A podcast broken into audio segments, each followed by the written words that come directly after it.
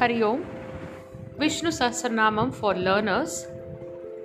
I'm not a good singer, but I'd like to teach Vishnu Sahasranamam to people, and therefore I've recorded this for you to learn it easily with proper pronunciation. So I've recorded it as in a slow phase. I'm Vedam alias Geetha Manivandan, founder of Sri Amritavarshini Veda Vidya Pita.